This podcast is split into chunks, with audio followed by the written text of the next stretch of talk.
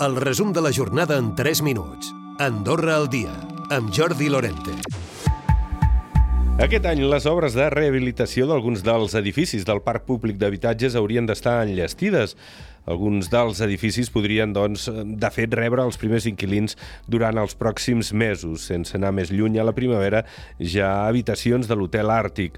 Un dels edificis és el del carrer Raureda de Sansa.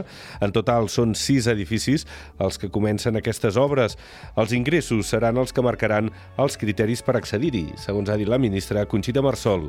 Punt amunt, punt avall, sobre dos vegades el salari mínim, màxim i mínim estarà sobre una vegada el salari mínim, 1,1, ho estem acabant, ho estem acabant de determinar. Però també hi haurà un topall de, mm, de patrimoni, Important destacar, a més, que l'edifici de Sant Julià de Lòria, que va quedar-se al primer concurs desert, també acabarà tirant endavant. I unes 160 persones han sol·licitat l'accés als pisos de lloguer assequible que es construiran a l'Avinguda del Pessebre, Escaldes en Gordany. Són 36 habitatges i la demanda, com es veu, és quatre vegades superior. La cònsul major aprofita per fer una crida al govern perquè n'agiliti la construcció. Rosa Gili. Part nostra està avançant, s'hi està treballant, i ara falta doncs, justament que govern acabi d'establir de, de, el plec de bases perquè són ells els que han de finançar aquesta segona part del projecte. Eh? Crec que és molt important que quan nosaltres acabem que de seguida govern pugui, um, pugui començar a intervenir. No? I mentre les transaccions immobiliàries disminueixen el 12% el 2023 respecte a l'any 2022. S'ha passat de 2.000 a 1.800. La parròquia amb una disminució més important va ser la Massana seguida d'Andorra la Vella. Només experimenta una alça a Sant Julià de Lòria, on l'increment és superior al 12%. El valor d'aquestes transaccions també ha estat inferior al del 2022. El preu mitjà per metre quadrat dels pisos continua a l'alça. Se situa en 3.600 euros.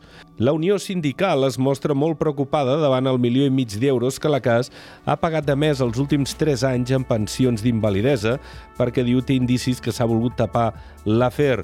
Pel que fa al representant dels pensionistes al Consell d'Administració de la CAS, Jacint Risco descarta que hi hagi hagut corrupció en aquest cas. Temes de corrupció i temes de... No, no hi són. Aquí hi ha una negligència greu, és veritat.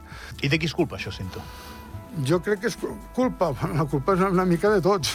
Jo crec de tots els consells d'administració, de tota... A veure, la seguretat social té un problema, té un problema que és que se li demana moltes coses i al moment de fer-les necessites personal. Demanes més personal, el Consell General diu que no. I normalitat en les comunicacions viàries amb Catalunya. Aquest dilluns, a l'espera de les accions que Unió de Pagesos anuncia per aquest dimarts. Entre les 11 del matí i les 6 de la tarda estan previstes afectacions importants de trànsit a la carretera de la Seu d'Urgell a Andorra, amb la participació d'uns 70 tractors. Recupera el resum de la jornada cada dia a AndorraDifusió.d i a les plataformes de podcast.